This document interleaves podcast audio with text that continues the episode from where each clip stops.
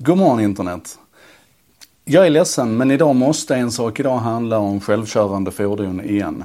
För nu jäklar händer det saker. Nu är det inte bara på teknikområdet utan igår så samordnat, inte samordnat men samtidigt i alla fall, så kom det direktiv ifrån den brittiska regeringen till sig själva i princip att nu har vi tre år på oss att sätta allting som har med lagstiftning runt självkörande fordon på plats.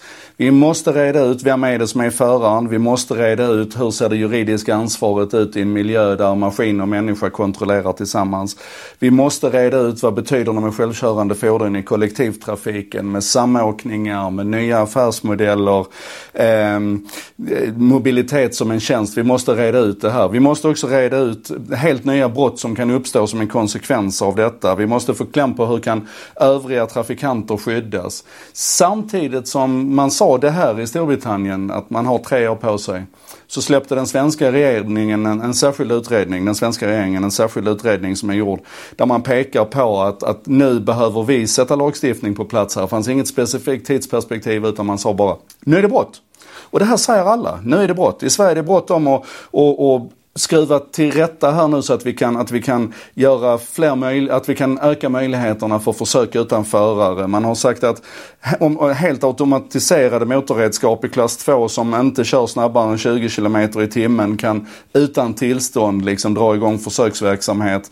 Man, man, vill titta på vilka krav man kan ställa på lagring av vissa data för fordon, både manuella fordon och självkörande fordon. Och det, det händer så mycket på det här området nu.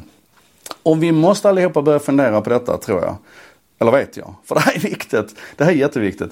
Och ett sätt att tänka på det här om man tycker att det känns lite motsträvigt. Det är att börja fundera på hur snabbt kommer den här utvecklingen att gå nu rent tekniskt. Och jag tror att ni känner till Morris lag. Den som säger att all teknisk kapacitet fördubblas. Man brukade säga var 18 månad. Men om vi säger vartannat år. Alltså två år går och så har vi fördubblat den tekniska kapaciteten mot hur det var tidigare.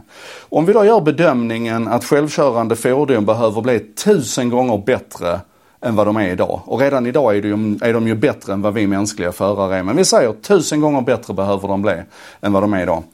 Då är det bara tio sådana iterationer i Morris lag. Och tack Erik Stark för att du satte oss på det här spåret. Det är tio iterationer enligt Morris lag. Och då är det någonstans mellan mellan 15 och, och 20 år. Och sen vet vi att idag går allting snabbare för att det här handlar mycket om mjukvara och algoritmer. Vi behöver inte vänta på hårdvaran och tekniken. Det här kommer att gå fort.